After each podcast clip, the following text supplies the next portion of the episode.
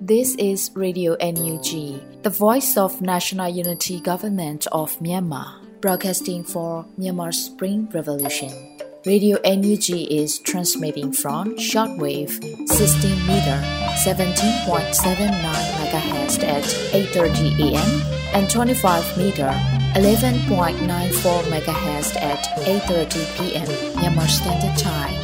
မင်္ဂလာပါရှင်။ မြို့သားညီညွတ်ရေးအစိုးရရဲ့အတန်လွင့်ဌာန Radio NUG ကိုမနက်ပိုင်း၈နာရီခွဲမှာလိုင်းတူ16မီတာ19.89 MHz ညပိုင်း၈နာရီခွဲမှာလိုင်းတူ25မီတာ17.6 MHz တို့မှာဓာတ်ရိုက်ဖမ်းယူနိုင်စေနိုင်ပါရှင်။မင်္ဂလာအပေါင်းနဲ့ပြည့်စုံကြပါစေ။အခုချိန်ကစပြီး Radio NUG အစီအစဉ်လေးကိုဓာတ်ရိုက်အတန်လွှင့်ပေးနေပါပြီရှင်။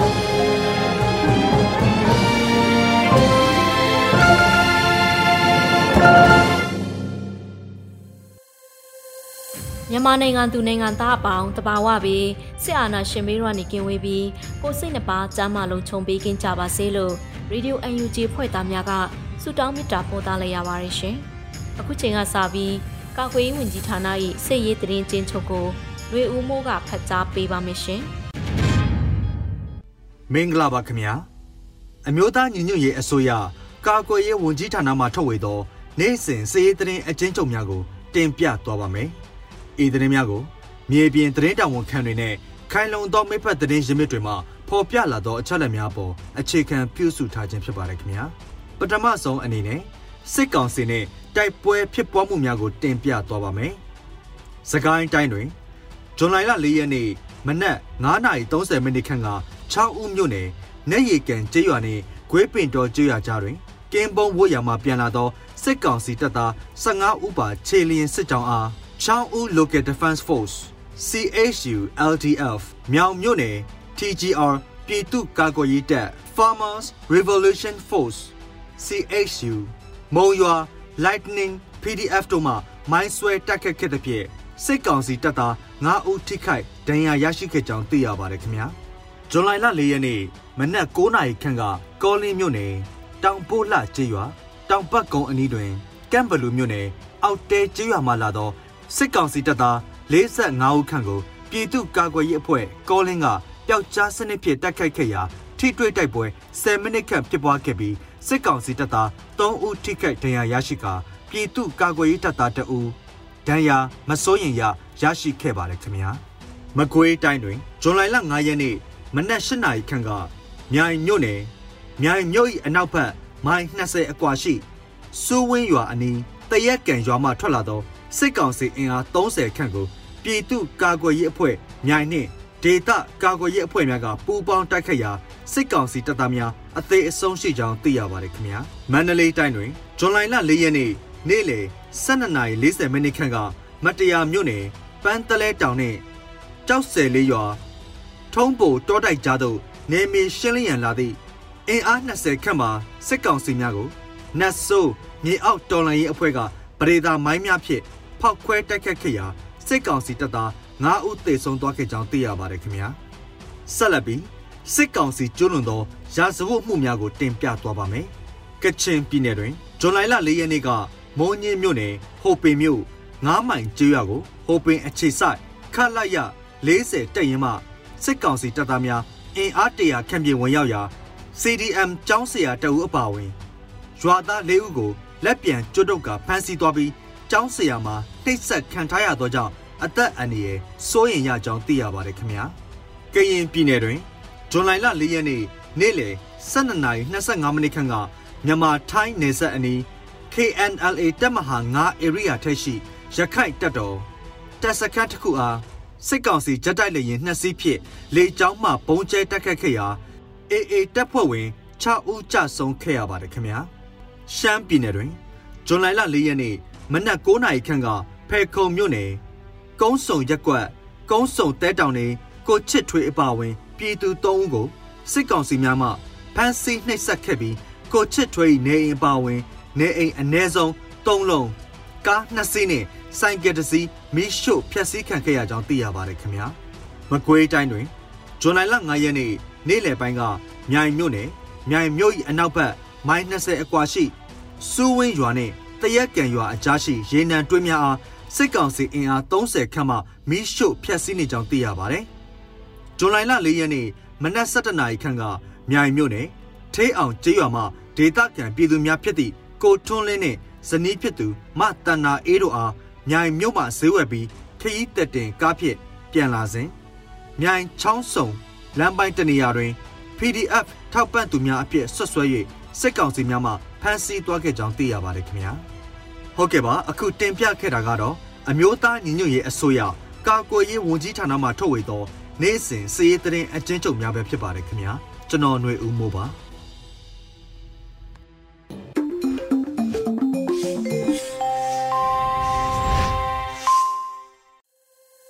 ဆက်လက်ပြီး Radio UNG ရဲ့နောက်ဆုံးရသတင်းများကိုအေရီကဖတ်ကြားတင်ပြပေးမှာဖြစ်ပါတယ်ရှင်။ မင်္ဂလာပါရှင်အခုချိန်ကစပြီး Radio NUG မနက်ခင်းပြည်တွင်းသတင်းတွေကိုတင်ပြပေးတော့မှာဖြစ်ပါတယ်ကျွန်မကတော့ Airy ပါရှင်ပထမဆုံးသတင်းတစ်ပုဒ်အနေနဲ့နှွေဦးတော်လှန်ရေးအောင်မြင်မှုအတွက်ဗန်နာယီကအင်မတန်အရေးကြီးနေပြီလို့ယာယီသမရကတည်ပေးပြောကြားလိုက်တဲ့သတင်းကိုတင်ပြပေးပါမယ်ဇူလိုင်လ9ရက်နေ့မှာကျင်းပပြုလုပ်ခဲ့တဲ့အမျိုးသားညီညွတ်ရေးအစိုးရအကြိမ်60မြောက်အစိုးရအဖွဲ့အစည်းအဝေးမှာ နှွေဦးတော်လှန်ရေးအောင်မြင်မှုအတွက်ဗန်နာရေးကအင်မတန်အရေးကြီးနေပြီလို့ယာယီသမရဒူဝါလက်ရှိလာကအသိပေးပြောကြားလိုက်ပါတယ်။နှွေဦးတော်လှန်ရေးအောင်မြင်မှုအတွက်ဗန်နာရေးကအင်မတန်အရေးကြီးပါတယ်။မိမိတို့ PDF လူငယ်များကိုထောက်ပံ့ဖို့နဲ့ခုခံကာကွယ်ရေးအတွက်လက်နက်ခဲယမ်းမီးကြောင်များထောက်ပံ့ဖို့အရေးတကြီးလိုအပ်နေပါတယ်။ထို့အတူတစ်ဖက်မှာအကြမ်းဖက်စစ်ကောင်စီရဲ့ရက်စက်မှုများကြောင့်စစ်ဘေးသင့်စစ်ရှောင်ပြည်သူများကိုလူသားချင်းစာနာရေးအတွက်များစွာကူညီထောက်ပံ့ဖို့လိုအပ်နေပါတယ်။အဲဒါကြောင့်ရန်မုံငွေများများစွာလိုအပ်နေပါသေးတယ်။ ဗဏ္ဍာငွေတိုးပွားလာနိုင်မှုအတွက်နိုင်ငံတကာမှအကူအညီများရရှိအောင်နဲ့နိုင်ငံအသီးသီးတွင်ရောက်ရှိနေတဲ့မြန်မာလူထုများမှလူဒန်းငွေများပုံမရရှိဖို့ဆက်လက်ကြိုးပမ်းကြရမှာဖြစ်ပါတယ်လို့ယာယီသမ္မတကဆိုပါတယ်။အမျိုးသားညီညွတ်ရေးအစိုးရဟာလက်ရှိမှာငွေတိုက်စာချုပ်တွေရောင်းချလျက်ရှိနေသလို EOD ကလည်းရန်ကုန်မြို့14အင်အားလမ်းမှာရှိတဲ့မရောက်နိုင်အိမ်နဲ့ခြံကိုအစုရှယ်ယာတစုကို American Dollar 100နဲ့ရောင်းချလျက်ရှိနေတာလည်းဖြစ်ပါတယ်ရှင်။ ဆက်လက်ပြီးအိန္ဒိချင်းနိုင်ငံတွေရဲ့အကူအညီနဲ့အာဆီယံပူးပေါင်းဆောင်ရွက်မှုတွေဟာအားနည်းချက်တွေရှိနေစေဖြစ်တယ်လို့ပြည်ထောင်စုဝန်ကြီးချုပ်ပြောကြားလိုက်တဲ့သတင်းကိုတင်ပြပေးပါမယ်။အစိုးရအဖွဲ့အစည်းအဝေးမှာပြည်ထောင်စုဝန်ကြီးချုပ်မန်ဝင်းခိုင်တန်းကအိန္ဒိချင်းနိုင်ငံတွေရဲ့အကူအညီနဲ့အာဆီယံရဲ့ပူးပေါင်းဆောင်ရွက်မှုတွေဟာအားနည်းချက်တွေရှိနေစေဖြစ်တယ်လို့ပြောကြားလိုက်ပါတယ်။နိုင်ငံရေးရဆွေးနွေးဆောင်ရွက်မှုတွေမှာတိုးတက်မှုတွေအများကြီးရှိပေမဲ့လူသားချင်းစာနာထောက်ထားမှုကဏ္ဍဆိုင်ရာဘက်မှာတော့အခက်အခဲတွေရှိနေစေဖြစ်တယ်ဆိုတာသိရပါတယ်။ အဓိကအိန္ဒိနာချင်းနိုင်ငံတွေရဲ့အကူအညီအာဆီယံရဲ့ပူးပေါင်းဆောင်ရွက်မှုအပိုင်းတွေဟာအားနည်းချက်တွေရှိနေစေဖြစ်တာမို့ဒါတွေနဲ့ပတ်သက်ပြီးအထီးအောင်ဆုံးအကျိုးရှိဆုံးဖြစ်နိုင်မဲ့နည်းလမ်းတွေနဲ့အပြေရှားကြဖို့တိုက်တွန်းလိုပါတယ်လို့အစိုးရအဖွဲ့ကဝန်ကြီးချုပ်ကပြောကြားတာဖြစ်ပါတယ်။လက်ရှိမှာနိုင်ငံသားရေးဝန်ကြီးဒေါ်စင်မအောင်ရဲ့ပြောကြားချက်မှာအာဆီယံပုံသဘောတူညီချက်9ရက်မှာကြာရှုံးသွားပြီလို့ပြောကြားထားတာလည်းဖြစ်ပါတယ်။အမျိုးသားညီညွတ်ရေးအစိုးရကိုအာဆီယံအဖွဲ့ဝင်မလေးရှားနိုင်ငံကလည်းတရားဝင်အသိမှတ်ပြုတွေ့ဆုံထားတာမျိုးရှိပါတယ်ရှင်။ ဆက်လက်ပြီးအာဏာသိမ်းအကြမ်းဖက်စစ်ကောင်စီရဲ့ပြည်သူလူထုပေါ်အကြမ်းဖက်မှုမှန်သမျှကိုဖော်ထုတ်ပြုစုပြီးတရားဥပဒေနဲ့အညီအရေးယူအပြစ်ပေးနိုင်မှုဦးစားပေးလှုပ်ဆောင်မှုပြည်ထရေးဝန်ကြီးကပြည်သူရဲတပ်ဖွဲ့ကိုလှမ်းညွှန်ထားတဲ့ဆိုတဲ့သတင်းကိုတင်ပြပေးပါမယ်။ ဇူလိုင်လ9ရက်နေ့မှာကျင်းပပြုလုပ်တဲ့ပြည်ထောင်စုဝန်ကြီးဌာနပြည်ထောင်စုဝန်ကြီးဦးလွင်ကိုလက်နဲ့ပြည်သူ့ရဲတပ်ဖွဲ့တွေတွေ့ဆုံဆွေးနွေးပွဲမှာပြည်ထောင်စုဝန်ကြီးကအာဏာသိမ်းအကြမ်းဖက်စစ်ကောင်စီရဲ့ပြည်သူလူထုအပေါ်အကြမ်းဖက်မှုမှန်သမျှကိုဖော်ထုတ်ပြုစုပြီးတရားဥပဒေနဲ့အညီအရေးယူအပြစ်ပေးနိုင်ရေးကိုဦးစားပေးလှုံ့ဆော်မှုပြည်သူ့ရဲတပ်ဖွဲ့ကိုလမ်းညွှန်ပြောကြားခဲ့ပါတယ်။ပြည်သူ့ရဲတပ်ဖွဲ့လုပ်ငန်းတွေကိုမြေပြင်အဖွဲ့အစည်းတွေနဲ့ချိတ်ဆက်ပြီးထိထိရောက်ရောက်ဆောင်ရွက်နိုင်အောင်လှုံ့ဆော်ကြစေလိုကြောင်းစိုးမိုးထိန်ချုပ်ထားတဲ့မြို့နယ်တွေမှာအမှုစစ်ရဲအရာရှိတွေကိုတာဝန်ပေးလျက် မြေပြင်တိုင်ကြားလာတဲ့အမှုကိစ္စတွေကိုလုံထုံးလုံနေတဲ့အညီဆောင်ရွက်ကြဖို့လိုကြောင်းဖွဲ့စည်းထားတဲ့မြို့နယ်ပြည်သူ့လုံခြုံရေးအဖွဲ့ပါလာဖတွေကိုလည်းလိုအပ်တဲ့တင်နန်းတွေပေးနိုင်ဖို့မြန်မြန်စီစဉ်ကြစေလိုကြောင်းအာဏာသိမ်းအကြမ်းဖက်စစ်ကောင်စီရဲ့ပြည်သူလူထုအပေါ်အကြမ်းဖက်မှုမှန်သမျှကိုဖော်ထုတ်ပြုစုပြီးတရားဥပဒေနဲ့အညီအရေးယူအပြစ်ပေးနိုင်ရေးကိုဦးစားပေးလှုံ့ဆော်စေချင်ကြောင်းဝန်ကြီးကပြောကြားပါတယ်။ ဒါအပြင်လက်ရှိကာလမှာပြည်သူလူထုရဲ့လူမှုဘဝလုံခြုံရေးအတွက်ရဲတပ်ဖွဲ့အနေနဲ့ပြည်ပြည့်ဝဝအကောင့်ထဲပေါ်ပေးနိုင်မှု community oriented policing ဟာမြေပြင်အခြေအနေနဲ့ကိုင်ညီမှုရှိပြီးမျက်ခြေမပြတ်စိုက်လိုက်မတ်တဲ့အကောင့်ထဲပေါ်နိုင်ရေးတို့ကိုပြည်ထရေးဝန်ကြီးကထပ်လောင်းပြောကြားခဲ့တာပါအစည်းအဝေးကိုပြည်ထောင်စုဝန်ကြီးဦးလွင်ကိုလက်နဲ့အတူအမြဲတမ်းအတွင်းဝင်တွဲဖက်အတွင်းဝင်ပြည်သူ့အုပ်ချုပ်ရေးဦးစီးဌာနညွှန်ကြားမှုချုပ်ပြည်သူ့ရဲတပ်ဖွဲ့မှရဲချုပ်ဒုရဲချုပ်နဲ့တခြားအရေးအရာရှိကြီးတွေတက်ရောက်ခဲ့ကြတယ်လို့သတင်းရရှိပါရရှင်။ ဆက်လက်ပြီး83နှစ်မြောက်ကော်တူးလီတက်မတော်နေ့ KNL ဒီအခမ်းအနားကို KNU ဗဟိုဌာနချုပ်မှာကျင်းပခဲ့ပြီး NUG အစိုးရကဂုဏ်ပြုတော်ဝင်လောပေးပို့ခဲ့တဲ့တဲ့တင်ကိုတင်ပြပေးပါမယ်။83နှစ်မြောက်ကော်တူးလီတက်မတော်နှင့် KNL ဒီအခမ်းအနားကို2022ခုနှစ်ဇူလိုင်လ9ရက်နေ့က KNU ဗဟိုဌာနချုပ်မှာကျင်းပခဲ့တယ်လို့သတင်းထုတ်ပြန်ပါတယ်။အခမ်းအနားကို KNU တွဲဖက်အတွင်းရေးမှူးနှင့်ဖရိုစောလာထွန်းဗဟိုအလုံးမှုဆောင်ကော်မတီဝင်ဖရိုစောသမိန်ထွန်းဗဟိုကော်မတီဝင်စောကလေးစီ ကရင်လွတ်မြောက်ရေးတက်မတော်ဗဟိုဌာနချုပ်မှဗိုလ်မှူးချုပ်စောအေကလူသိန်းနဲ့ KNU ဌာနဆိုင်ရာဝန်ထမ်းတွေမိဘပြည်သူတွေတက်ရောက်ခဲ့ကြတယ်လို့သတင်းရရှိပါတယ်။အဆိုပါ83နှစ်မြောက်ကော်တူးလီတက်မတော်နေ့ဂုံပြုအခမ်းအနားကိုမြို့သားညီညွတ်ရေးအစိုးရကဂုံပြုတဝင်လွှာပေးပို့လိုက်ပါတယ်။အဲ့ဒီတဝင်လွှာမှာအနာဂတ် Federal Democracy ပြည်အောင်စုတည်ဆောက်နိုင်ရေးအတွက်လက်တွဲညီစွာနဲ့ဝိုင်းဝန်းကြိုးပမ်းအားထုတ်အောင်မြင်နိုင်ပါစေကြောင်းရေးသားဖော်ပြထားတာဖြစ်ပါတယ်။မြို့သားညီညွတ်ရေးအစိုးရရဲ့ဂုံပြုတဝင်လွှာမှာ 1949ခုနှစ်ဇန်နဝါရီလ31ရက်နေ့ကစလို့မတရားဖိနှိပ်အုပ်ချုပ်တဲ့အာဏာရှင်အဆက်ဆက်ကိုခုခံတွန်းလှန်တဲ့ကရင်လက်နက်ကိုင်တော်လှန်ရေးကိုဆင်နွှဲလာခဲ့တာဟာဒီနေ့ထိတိုင်ဖြစ်တယ်လို့ဆိုပါတယ်1956ခုနှစ်ဇူလိုင်လ9ရက်နေ့မှာရခိုင်ကော်တူးလီလက်နက်ကိုင်တပ်ပေါင်းစုကော်တူးလီ Armed Forces ကိုကရင်တော်လှန်ရေးစီးရေးလမ်းစဉ်နဲ့ကိုင်နေတဲ့ကရင်အမျိုးသားလွတ်မြောက်ရေးတပ်မတော် Grand National Liberation Army အဖြစ်အတည်ပြုပြင်ဆင်ဖွဲ့စည်းခဲ့ပြီးအဲ့ဒီနေ့ကိုကော်တူးလီတပ်မတော်နေ့အဖြစ်သတ်မှတ်ကျင်းပခဲ့ကြတာဖြစ်ပါတယ်။83နှစ်မြောက်ကော်တူးလီတပ်မတော်နေ့မှာကရင်အမျိုးသားပြည်သူတွေရဲ့ဂုဏ်သိက္ခာနဲ့အသက်အိုးအိမ်စီးစိမ်ကိုကာကွယ်ဆောင်ရှောက်ရင်းအသက်နဲ့ခန္ဓာကိုစွန့်လွတ်ပေးလူခဲ့တဲ့ကရင်သူရဲကောင်အာဇာနည်တွေကရင်ပြည်သူတွေအားလုံးကိုလေးနက်စွာအောက်မေ့ဥညွတ်ဂုဏ်ပြုအပ်ပါတယ်လို့ထုတ်ပြန်ပါတယ်။2021ခုနှစ်ဖေဖော်ဝါရီလ၁ရက်နေ့စစ်တပ်ကအာဏာသိမ်းပြီးနောက်ပိုင်းမှာလည်း ကရင်အမျိုးသားလွတ်မြောက်ရေးတပ်မတော်ဟာနိုင်ငံရေးစစ်ရေးရည်တည်ချက်ခိုင်မာစွာနဲ့ဘုံရန်သူဖြစ်တဲ့စစ်ကောင်စီကိုရွရွချွန်ချွန်ခုခံတွန်းလှန်လျက်ရှိပါတယ်။ကော်တူးလီတက်မတော်ဟာကရင်ပြည်သူတွေနဲ့အတူပြည်တော်စုပွားပြည်သူများအားလုံးမျှော်မှန်းတောင်းတလျက်ရှိတဲ့ဆရာနာရှင်စနစ်ကိုအမြင့်ဖြတ်ပြီးကိုပိုင်ပြဋ္ဌာန်းခွင့်ကိုကံကြမ္မာကိုဖန်တီးနိုင်ခွင့်နဲ့တရားမျှတရေးဒန်းတူရေးတို့ကိုအပြည့်အဝအာမခံတဲ့အနာဂတ် Federal Democracy ပြည်ထောင်စုတည်ဆောက်နိုင်ရေးအတွက်လက်တွဲညီစွာနဲ့ဝိုင်းဝန်းကြိုးပမ်းအားထုတ်အောင်မြင်နိုင်ပါစေကြောင်း စုမွန်ကောင်တောင်းလျက်ဤတဝန်လွှာကိုဂုဏ်ယူစွာဖြင့်ပေးပို့အပ်ပါတယ်လို့ဖော်ပြထားတာဖြစ်ပါတယ်။အခမ်းအနားမှာဘိုးစခန့်သူလှိုင်ဦးဆောင်ပြီးကရင်အမျိုးသားအလံတော်နဲ့ကြာဆုံးနေပြီးတဲ့ခေါင်းဆောင်တွေရဲဘော်တွေမိဘပြည်သူတွေကိုအလေးပြုခဲ့ကြပြီးကော်တူးလီတက်မတော်နဲ့ဖြစ်ပေါ်လာပုံအကြောင်းကိုဆရာခိုင်ဆန်ရွှေမြင့်ကပြောကြားခဲ့ပါတယ်။ KNU ကရင်အမျိုးသားအစည်းအရုံးကပေးပို့တဲ့တဝန်လွှာကိုစောစာလာမှုကဖတ်ကြားပြီး KNL စစ်ဦးစီးချုပ်ဗိုလ်ချုပ်ကြီးစောချော်နေရဲ့တဝန်လွှာကိုတော့စောစာနေတူကဖတ်ကြားခဲ့တယ်လို့ ကရင်အမျိုးသားအစည်းအရုံးကပေးပို့တဲ့တဝန်လွှာကိုတော့နော်အန်နီအောင်ကအတီးတီးဖတ်ကြားခဲ့ကြပါတယ်။အိမ်နောက်မျိုးဆက်တဲ့ចောင်းသားចောင်းသူတွေကကွန်ပျူတာချင်းနဲ့တီးဆိုဖျော်ဖြေခဲ့ကြပြီး KNU ဗဟိုအလုံးမှုဆောင်ကော်မတီဝင်ပရိုစောသမိန်ထွန်းကရင်လွတ်မြောက်ရေးတပ်မတော်ဗဟိုဌာနချုပ်မှဗိုလ်မှူးချုပ်စောအေကလူသိန်းကရင်လွတ်မြောက်ရေးတပ်မတော်မှဒုတိယဗိုလ်မှူးကြီးစောဖလာရှိ KNU ဗဟိုကော်မတီဝင်ပရိုစောကလေးစီနဲ့ပရိုစောကေထူတို့ကကွန်ပျူတာစကားအတီးတီးပြောကြားခဲ့ကြပြီးကရင်အမျိုးသားတချင်းနဲ့အခမ်းအနားကိုရုပ်သိမ်းခဲ့တယ်လို့သိရှိရပါတယ်ရှင်။ဆက်လက်ပြီးຫນွေဦးသူရဲကောင်းတွေအတွက်ငွေတိုက်စာချုပ်နဲ့ကွန်ပျူတာလူရမ်းမှုအလှရှင်တွေဖိတ်ခေါ်တဲ့တဲ့တင်ကိုတင်ပြပေးပါမယ်။နှွေဦးသူရဲကောင်းတွေအတွက်ငွေတိုက်စာချုပ်နဲ့ကွန်ပျူတာလူရမ်းမှုဇူလိုင်လ9ရက်နေ့မှာ Our Spring Heroes ကအလှရှင်တွေကိုဖိတ်ခေါ်လိုက်ပါတယ်။ပြည်သူရှင်ထဲမှာထာဝရရှင်သန်နေတဲ့ပြည်သူသူရဲကောင်းတွေကို တို့ပြည်သူသူရဲကောင်းများအတွက်ငွေတိုက်စာချုပ်ဖြင့်ဂုဏ်ပြုလှူဒန်းမှုအလှူရှင်တွေဖိတ်ခေါ်အပ်ပါတယ်လို့ဖော်ပြထားတာပါ2022ခုနှစ်ဇွန်လ28ရက်နေ့မှာမြဝတီခရိုင် KNU တပ်မဟာ6ဝေါ်လေဒေတာရှိအကြမ်းဖက်စစ်ကောင်စီရဲ့ဥက္ကဋ္ဌစစ်စခန်းကိုသိမ်းပိုက်ဖို့ KNDO နဲ့ပူးပေါင်းပြီးအကြမ်းဖက်စစ်တပ်ကိုတိုက်ခိုက်တဲ့တိုက်ပွဲမှာတိုင်းပြည်အတွက်နှွေဦးပြည်သူတွေအတွက်အသက်ပေးလှူသွားခဲ့တဲ့ပြည်သူရဲဘော်လူရှင်တော်ဤကြကွေးခေါ်ဖုံးမြင့်မော်နဲ့နှွေဦးသူရဲကောင်းတွေအတွက်ငွေတိုက်စာချုပ်ဝယ်ယူလှူဒန်းပေးဖို့ဖိတ်ခေါ်ထားပါတယ်။ တော်လှန်ရေးအတွက်အသက်ပေးခဲ့ကြတဲ့ပြည်သူရဲဘော်တွေရဲ့ကြံရစ်သူမိသားစုတွေအတွက် bond ဝယ်ယူလှူဒန်းပေးခြင်းသူတွေရှိပါကလည်း PVTV ကိုဆက်သွယ်နိုင်ပြီး PVTV ကနေတဆင့်ကာကွယ်ရေးဝန်ကြီးဌာနစီမံကိန်းဗဏ္ဍာရေးနဲ့ရင်းနှီးမြှုပ်နှံမှုဝန်ကြီးဌာနတို့နဲ့ချိတ်ဆက်ပြီးဝယ်ယူပေးသွားမှာဖြစ်တယ်လို့သတင်းရရှိပါတယ်ရှင်။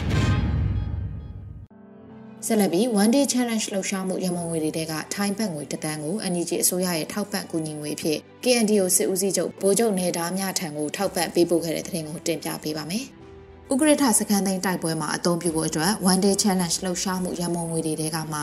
ထိုင်းဘတ်ငွေတသန်းကို NUG အစိုးရရဲ့ထောက်ပံ့ကူညီငွေအဖြစ် KNDO စစ်ဦးစီးချုပ်ဗိုလ်ချုပ်နေသားများထံကိုဇူလိုင်လ၄ရက်နေ့မှာပေးပို့ခဲ့တယ်လို့သတင်းရရှိပါတယ်။ ဆရာနာသိမ်းမှုစန့်ကျင်ရေးကော်မတီကိုရီးယားက2021ခုနှစ်ဩဂုတ်လကနေ2022ခုနှစ်ဇွန်လအထိရရှိခဲ့တဲ့ One Day Challenge လှုပ်ရှားမှုရန်မုံငွေတွေအနက်ကမှလစဉ်ဒေါ်လာ3သိန်းနဲ့ညီမျှတဲ့ဝန်ငွေကိုအမျိုးသားညီညွတ်ရေးအစိုးရထံပေးပို့လာခဲ့ရမှာဇူလိုင်လ1ရက်နေ့အထိစုစုပေါင်းဒေါ်လာ9သိန်းကိုပေးပို့ခဲ့ပြီးဖြစ်တယ်လို့ဖော်ပြထားပါတယ်။ဥက္ကဋ္ဌစကန်သိန်းတိုက်ပွဲဟာစစ်ကောင်စီရဲ့ဗျူဟာကျတဲ့ခြေကုပ်စခန်းတစ်ခုဖြစ်ပြီးရပ်ပေါင်းများစွာတိုက်ခိုက်နေရတာလည်းဖြစ်ပါတယ်ရှင်။ အခုတင်ပြပေးခဲ့တဲ့သတင်းတွေကိုတော့ Radio NUG သတင်းတောက်မင်းမင်းကပေးပို့ထားတာဖြစ်ပါတယ်ရှင်။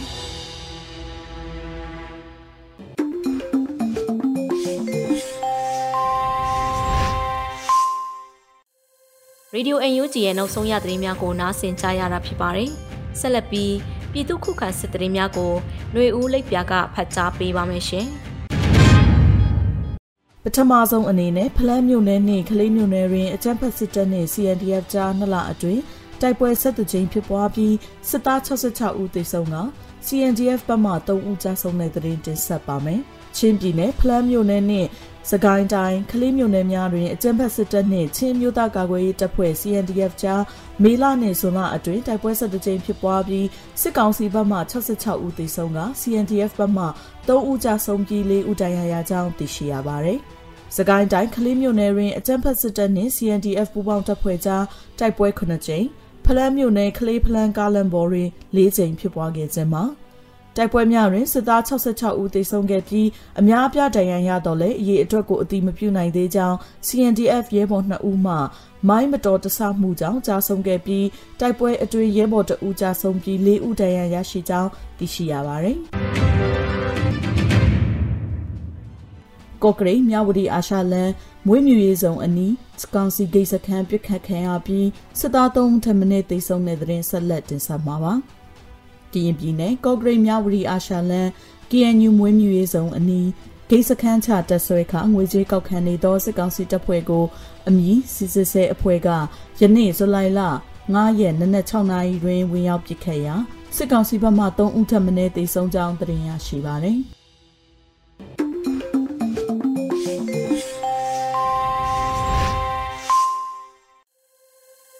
ရေဒီယို UNG မှာဆက်လက်တန်လှည့်ပေးနေပါတယ်ဆက်လက်ပြီး PVTV ရဲ့နေ့စဉ်သတင်းများကိုထက်ထက်အိန္ဒြာအောင်ကဖတ်ကြားပေးပါဖြစ်ပါတယ်ရှင်ပထမဆုံးတင်ဆက်ပေးမှာကတော့အမျိုးသားညီညွတ်ရေးအစိုးရ60ကြိမ်မြောက်အစိုးရအဖွဲ့အစည်းအဝေးပြုလုပ်တဲ့ဆိုတဲ့သတင်းမှာအမျိုးသားညီညွတ်ရေးအစိုးရရဲ့60ကြိမ်မြောက်အစိုးရအဖွဲ့အစည်းအဝေးကိုဒီကနေ့မနက်10:00နာရီမှာပြုလုပ်ခဲ့ပါတယ်။အစည်းအဝေးမှာယာယီသမရဒူဝါလက်ရှိလာကအဖွင့်မိန်ကောပြောကြားခဲ့ပြီးတဲ့နောက်ပြည်တော်စုဝန်ကြီးချုပ်ကမိန်ကောပြောကြားခဲ့ပါတယ်။ယာယီသမရဒူဝါလက်ရှိလာက တစ်ဖက်မှာအကြမ်းဖက်စစ်ကောင်စီအနေနဲ့အချိန်ကိုနှောင့်နှေးအောင်လှုံ့ဆော်ပြီးတော့ပြည်သူလူထုများအားဆင်းရဲဒုက္ခတွေနဲ့နှက်အောင်စနစ်တကျဆောင်ရွက်နေပြီးတော့တော်လှန်ရေးအင်အားစုများကြားမညီမညွတ်ဖြစ်အောင်လှုံ့ဆော်နေတာမှာအလုံးအသိပဲဖြစ်ပါတယ်။ထို့အတူတစ်ဖက်မှာလည်းအာဏာသိမ်းမင်းအောင်လှိုင်အနေနဲ့ပြည်သူလူထုဆန္ဒမပါပဲသူ့ရဲ့ထွက်ပေါက်အတွက်2023ရွေးကောက်ပွဲကိုမရရအောင်လှုံ့ဆော်ဖို့ကြံရွယ်နေပါတယ်။ဒီမိုကရေစီနဲ့ဖက်ဒရယ်ကိုလိုလားတဲ့နိုင်ငံရေးပါတီတွေအနေနဲ့လည်း မင်းအောင်လှိုင်ပြင်ဆင်နေတဲ့ရွေးကောက်ပွဲကိုမပါဝင်ပဲလူလူဆန္ဒအတိုင်းရည်တည်ကြဖို့လိုအပ်ပါတယ်။တော်လှန်ရေးအောင်မြင်ဖို့အချိန်ကအမတန်တန်မိုးကြီးပါတယ်။ဒါကြောင့်မိမိတို့အနေနဲ့အချိန်ကိုတန်မိုးထားလျက်နီးဗျူဟာကြကြချိတ်ဆက်ပူပေါင်းကတော်လှန်ရေးအောင်မြင်ဖို့ဆက်လက်ကြိုးစားကြဖို့တိုက်တွန်းဆော်ဩလိုပါတယ်လို့ပြောပါတယ်။ဒါအပြင်အစိုးရအဖွဲ့ဝင်တွေကလည်းလုံခြုံရေးကိုအထူးဂရုပြုပြီးတော့တော်လှန်ရေးခရီးကိုမစုံမနစ်ကြိုးစားကြဖို့အတွက်လည်းတိုက်တွန်းထားတာ။နှွေဦးတော်လှန်ရေးအောင်မြင်မှုအတွက်ဗန်နာကြီးကအရေးကြီးတယ်ဆိုတာ အကြမ်းဖက်စစ်ကောင်စီရဲ့ရက်စက်မှုကြောင့်စစ်ဘေးသင့်စစ်ဘေးရှောင်ပြည်သူတွေကိုလူသားချင်းစာနာရေးအတွက်များစွာကူညီထောက်ပံ့ပေးဖို့လိုအပ်နေတဲ့ဆိုတာတွေကိုယာယီသမရကထည့်သွင်းပြောကြားခဲ့ပါတယ်။ပြည်ထောင်စုဝန်ကြီးချုပ်မန်ဝင်းခိုင်တန်းကအုပ်ချုပ်ရေးဖော်ဆောင်နေတဲ့နေရာဒေသတွေရဲ့အခြေအနေကိစ္စပါကျွန်တော်တို့အနေနဲ့ကော်မတီတရက်ဖွဲ့စည်းပြီးတော့သခိုင်းမကွေးနယ်ဘက်တွေကစိုးမိုးနိုင်တဲ့ဒေသတွေမှာစနစ်တကျအုပ်ချုပ်စီမံနိုင်အောင်ဆောင်ရွက်ခဲ့ကြတာအတော်အသင့်ခီးရောက်ခဲ့ပြီးဖြစ်ပါတယ်။ စစ်ကောင်စီကိုအမြင့်ပြတ်ချေမှုန်းကြအောင်မှာတန်တမန်ရေးစစ်ရေးနိုင်ငံရေးလူလူရဲ့ညီညွတ်မှုအင်အားစတဲ့ကဏ္ဍဆောင်ဗပောင်းဆောင်ကနေဆောင်ရွက်နေကြတာဖြစ်ပြီးတော့ဂျာကလာပြည်သူအုပ်ချုပ်ရေးကဏ္ဍဟာဆိုရင်လည်းဟန်ချက်ညီညီလိုက်ပါဆောင်ရွက်နိုင်ဖို့အမတန်အရေးကြီးတယ်ဆိုတာဝန်ကြီးများအားလုံးလည်းသိရှိနားလည်ပြီးဖြစ်ပါတယ်တော်လိုင်းရေးအပိသက်အောင်မြင်နိုင်ဖို့ဆိုရင်ကျွန်တော်တို့ဆောင်ရွက်နေတဲ့လှုပ်ဆောင်မှုတွေဟာတစ်ခုနဲ့တစ်ခုချိတ်ဆက်နေကြတယ်ဆိုတာအားလုံးလည်းအသိပဲဖြစ်ပါတယ်။ ဒီလိုချိတ်ဆက်ဆောင်ရွက်နေကြတာမို့ကဏ္ဍတစ်ခုမှာလှုပ်ဆောင်မှုအားနည်းသွားတယ်ဆိုရင်ကြံတဲ့ကဏ္ဍတွေမှာပါအကျိုးသက်ရောက်မှုတွေရှိလာနိုင်တယ်ဆိုတာကိုလည်းသတိပြုကြဖို့လိုအပ်ပါလိမ့်မယ်။ဒါကြောင့်ဝင်ကြီးဌာနအချင်းချင်းလည်းတိကျချိဆက်လှုပ်ဆောင်ကြတဲ့ကဏ္ဍတွေရှိမှဖြစ်တယ်လို့ကော်မတီတွေထဲမှာလည်းညှိနှိုင်းတိုင်ပင်လှုပ်ဆောင်သွားကြမှာတွေတိုင်တိုင်ပေးပေးဆောင်ရွက်သွားကြဖို့တိုက်တွန်းလိုပါတယ်။ ကျွန်တော်တို့အမျိုးသားညီညွတ်ရေးအစိုးရအနေနဲ့လည်းအခုဆိုရင်ကော်မတီကော်မရှင်တွေက16ခုထိရှိလာပြီးတော့စီမံလှုပ်ဆောင်ရတာတွေများလွန်းတာမို့ဝန်ကြီးတွေလည်းအလုတ်တာဝန်ပြလာကြတယ်လို့ကြားသိရပါတယ်။ကကော်မတီအစည်းအဝေးတွေခေါ်လို့ရှိရင်လူစုံမတက်ရောက်နိုင်ကြလို့အစည်းအဝေးအတွင်းဆုံးဖြတ်ချက်တွေချမှတ်ရမှာအခက်အခဲတွေဖြစ်ကြတဲ့ဆိုတာလေးကြားရပါတယ်။ ဒါတွေအတွက်လည်းကော်မတီရဲ့လုပ်ငန်းတွေကိုကြစ်ကြစ်လက်နဲ့ထိထိရောက်ဖြစ်စေဖို့တေချာပြန်လဲသုံးသပ်ပြီးတော့စနစ်တကျစီမံပေးဖို့ကျွန်တော်တို့ရုံကတာဝန်ရှိသူတွေကိုလည်းမှာကြားထားပါတယ်လို့ပြောကြားလိုက်ပါတယ်။ဒါအပြင်လက်ရှိအချိန်မှာတနိုင်ငံလုံးမှာရှိတဲ့တိုင်းရင်းသားအဖွဲ့အစည်းအားလုံးနဲ့အတူတကွညှိနှိုင်းတိုင်ပင်ဆောင်ရွက်နိုင်တာတွေ့ရတဲ့အတွက်အလွန်အားရစရာကောင်းတယ်။ တော်လိုင်းရေးမှာဘုံသဘောထားရည်မှန်းချက်တွေနဲ့အတူလျှောက်လန်းနိုင်ကြတဲ့အတွက်ကြောင့်လဲမကြခင်ကာလမှာအောင်မြင်မှုတွေကိုမြင်တွေ့ရတော့မှာကိုခိုင်ခိုင်မာမာယုံကြည်ရဲဆိုပြီးတော့လဲပြည်တော်စုဝန်ကြီးချုပ်ကပြောကြားခဲ့ပါတယ်။အစည်းအဝေးမှာပြည်တော်စုဝန်ကြီးဒေါက်တာဇော်ဝေဆိုနဲ့ပြည်တော်စုဝန်ကြီးဒေါက်ခင်မမမျိုးတို့ကနိုင်ငံတကာကုညီထောက်ပံ့မှုများဆိုင်ရာပေါင်းဆက်ညီနိုင်မှုကော်မရှင်ဖွဲ့စည်းရဲ့ကိစ္စအတည်ပြုရန်တင်ပြတဲ့ကိစ္စ PRD Press Secretary တင်ရဲ့ဦးနေဖုံးလက်က PRD Press Secretary တင်အန် Press Conference နဲ့ပတ်သက်ပြီးတော့တင်ပြတဲ့ကိစ္စအစရှိတာတွေကိုဆွေးနွေးတင်ပြခဲ့ပါတယ်။အဲဒီနောက်မှာပြည်တော်စုဝန်ကြီးချုပ်ကတင်ပြလာတာတွေကိုပြန်လည်ရှင်းလင်းဆွေးနွေးခဲ့ပြီးတော့ယာယီသမရကဏီကုံချုပ်အမှားစကားပြောကြားကအစည်းအဝေးကိုရုပ်သိမ်းခဲ့ပါတယ်။ ဆလတ်တင်ဆက်ပေးမှာကတော့အမျိုးသားဒီမိုကရေစီအဖွဲ့ချုပ်ရုံးခန်းအစာအုပ်တွေအတွင်းခွင့်ပြုချက်မရှိဘဲကျူးလွန်ဝင်ရောက်မှုတွေကိုလုံးဝခွင့်မပြုဘဲဥပဒေကြောင်းအရရောပါတီစည်းကမ်းထိန်းသိမ်းရေးအရာပါထိထိရောက်အရေးယူမယ်လို့ NLD ထုတ်ပြန်ကြေညာတဲ့သတင်းကိုတင်ဆက်ပေးပါမယ်။ အဖွဲ့ချုပ်ရုံးတွေကိုနှီးမျိုးစုံအကြောင်းပြပြီးတော့ရုံးခန်းအဆောက်အဦတွေဖွင့်လှစ်ဖို့ကြိုးပမ်းမှုနဲ့ခွင့်ပြုချက်မရှိဘဲကျူးလွန်ဝေရောက်မှုတွေကိုဥပဒေကြောင်းအပြင်ပါတီစည်းကမ်းထိန်းသိမ်းရေးတွေနဲ့ပါထိထိရောက်အရေးယူမယ်လို့အမျိုးသားဒီမိုကရေစီအဖွဲ့ချုပ်ကဇူလိုင်လ9ရက်နေ့မှာထုတ်ပြန်ကြေညာခဲ့ပါတယ်။ရန်ကုန်တိုင်းဗဟန်းမြို့နယ်ရွှေဟိုတိုင်းရုံးချုပ်ဗဟိုရုံးချုပ်ကိုတက်နယ်ရဲ့ပူပေါင်းအဖွဲ့ဝင်တွေကတော့ဖြတ်ဝင်ရောက်စီးနင်းရှာဖွေခဲ့ပြီးတော့ပါတီရဲ့စာရွက်စာတမ်းတွေကိုယူဆောင်သွားခြင်း ဟိုက်ရက်ကားတစ်စီးနဲ့မိခွင့်ဖြစ်ကလာရောက်မိရှုသွားခြင်းနဲ့ဘုံဖြစ်လာရောက်ပစ်ခတ်ခဲ့ခြင်းစတဲ့ဥရိမဲ့လုပ်ရနဲ့ဖျက်ဆီးဖောက်ခွဲမှုလုပ်ရက်တွေကိုကျူးလွန်ဖောက်ဖျက်ခြင်းခံခဲ့ရကြောင်းဖော်ပြထားပါတယ်။အမျိုးသားဒီမိုကရေစီအဖွဲ့ချုပ်ရဲ့အစစ်စင်သောပါတီယုံများနဲ့အဖွဲ့ဝင်တွေကိုစစ်ကောင်စီကရည်ရွယ်ချက်ရှိရှိနဲ့ပြင့်ပန်းထားတိုက်ခိုက်နေချိန်မှာပြည်သူစန္ဒနဲ့တွေ့ဖီဆန့်ကျင်ပြီးတော့ အဖွဲ့ချုပ်ရုံးတွေကိုနှီးမျိုးစုံအကြောင်းပြပြီးတော့ရုံးခန်းအစာအုပ်တွေဖွင့်လျက်ကြံစီကြိုးပမ်းနေကြသူတွေရဲ့လုပ်ရက်ကိုလုံးဝခွင့်မပြုကြောင်းနဲ့အဖွဲ့ချုပ်ရုံးခန်းအစာအုပ်တွေအတွင်ကိုခွင့်ပြုချက်မရှိဘဲကျူးလွန်ဝင်ရောက်လာပါကလည်းတရားဥပဒေကြောင်းအရာလက်ကောင်ပါတီစည်းကမ်းထိန်းသိမ်းရေးရ၎င်းထိရောက်စွာအရေးယူဆောင်ရွက်သွားမှာဖြစ်တယ်လို့တတိပေးကြေညာခဲ့ပါတယ်။အမျိုးသားဒီမိုကရေစီအဖွဲ့ချုပ်လူ့အခွင့်အရေးချိုးဖောက်မှုမှတ်တမ်းများကောက်ယူရေးအဖွဲ့ရဲ့2022ခုနှစ်ဇူလိုင်လ10ရက်နေ့ထိကောက်ယူထားတဲ့စီးရင်တွေအရ ပါတီရုံးတွေဖျက်ဆီးခံရမှုတွေကဗဟိုရုံးချုပ်အပါအဝင်စုစုပေါင်း106ကြိမ်ရှိခဲ့ပြီးဖြစ်ကြောင်းကျူးကျော်ဖျက်ဆီးခံရတဲ့အချိန်အများစုကစစ်ကောင်စီကပုံမှန်144ထုတ်ပြန်ထားပြီးတော့လုံခြုံရေးတပ်ဖွဲ့ဝင်တွေသာတွာလာခွင့်ရှိတဲ့အချိန်တွေမှာသာဖြစ်ပွားကြောင်းလွတ်တော်ကိုယ်စားလှယ်119ဦးအပါအဝင်ပါတီဝင်224ဦးတို့ရဲ့နေအိမ်တွေနဲ့ပိုင်ဆိုင်မှုတွေကိုအကြောင်းမျိုးမျိုးပြဝရန်ကချိတ်ပိတ်သိမ်းဆည်းနေမှုတွေကျူးလွန်ခံနေရတယ်လို့ဖော်ပြထားပါတယ်။ အခုတင်ဆက်ပေးမှာကတော့နွေဦးတော်လှန်ရေးကာလအတွင်းကြာဆုံးခဲ့ရသူပေါင်း2058ဦးထိရှိနေပြီလို့နိုင်ငံရေးကျင်းသားများကုညီဆောက်ရှောက်ရေးအသင်း AAPP ကစာရင်းထုတ်ပြန်လိုက်တဲ့သတင်းမှာ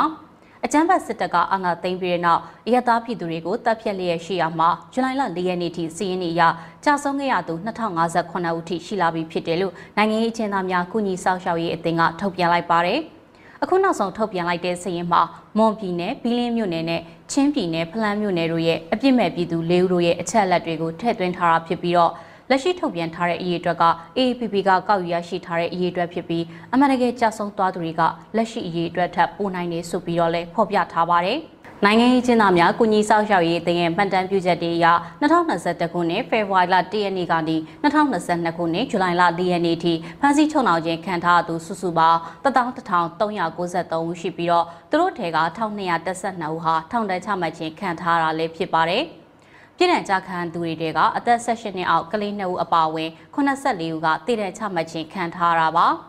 ဒါအပြင်ဖန်ဝရန်ထုတ်ခြင်းခံထားတာကြောင့်တိတ်ရှောင်နေရသူ1989ဦးအထိအမည်စင်းကိုလည်းတိကျဖော်ပြထားပြီးတော့သူတို့တဲကမျက်ကွယ်တည်တဲ့ချမှတ်ခြင်းခံထားသူ42ဦးအပါအဝင်120ဦးကမျက်ကွယ်ပြည်တဲ့ချမှတ်ခြင်းခံထားရတယ်လို့ဆိုပါတယ်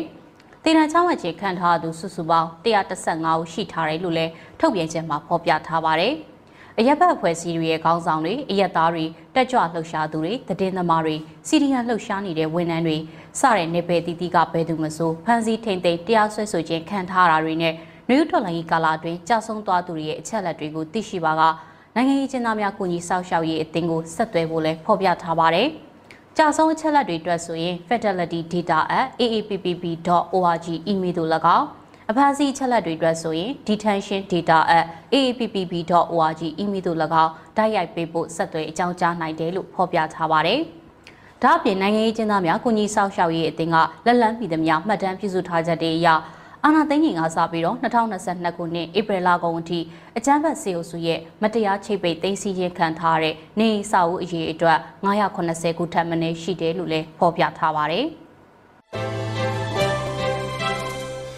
ဆလတ်တင်ဆက်ပေးမှာကတော့လွိုက်ကော်ပြည်သူ့ကာကွယ်ရေးတပ်ဖွဲ့တနစ်ပြည့်အထိမ်းအမှတ်ဖြစ်ရဲဘော်တွေကိုရိတ်ခါထောက်ပံ့ပြီးတော့ခိတ္တအိမ်ပြန်ခွင့်ပြုလိုက်တဲ့ဆိုတဲ့သတင်းကိုတင်ဆက်ပေးပါမယ်။ရိုက်ကော်ပြည်သူ့ကာကွယ်ရေးတပ်ဖွဲ့ဖွဲ့စည်းတာတနစ်ပြည့်အထိမ်းအမှတ်အနေနဲ့ရဲဘော်တွေကိုရိတ်ခါအထောက်ပံ့နေပေးပြီးခိတအိမ်ပြန်ခွင့်ပေးလိုက်တယ်လို့ရိုက်ကော် PDF ကသတင်းထုတ်ပြန်ပါတယ်။အိမ်ပြန်ခရီးအတွက်ထည့်ပေးလိုက်တဲ့ရိတ်ခါတွေက